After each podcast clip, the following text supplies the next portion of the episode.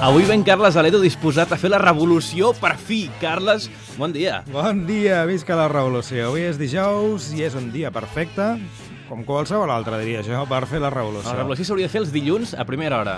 Ja anant per Avui- feina. Sí, segur.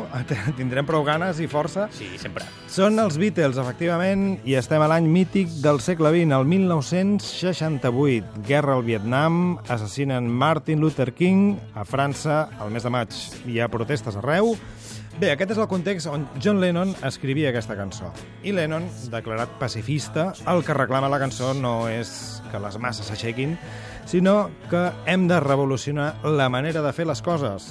Et sona el missatge, Roger? Sí, cada petita acció personal, una petita revolució. És una mica un missatge que podria ser actual, supervigent avui en dia i en línia eh, amb el que està passant amb la crisi. La versió és d'una de les bandes destacades del grunge dels anys 90. Són Stone Temple Pilots, que fa un parell d'anys aproximadament han tornat a gravar discos i han tornat als escenaris. Generació Nirvana, Pearl Jam, per entendre's pels que no els coneixeu. Entenem que la revolució versionada serà més canyera encara que la dels Beatles. Jo crec que sí, Ara el sentim. més. Gràcies, Carles. Fins demà. Adéu.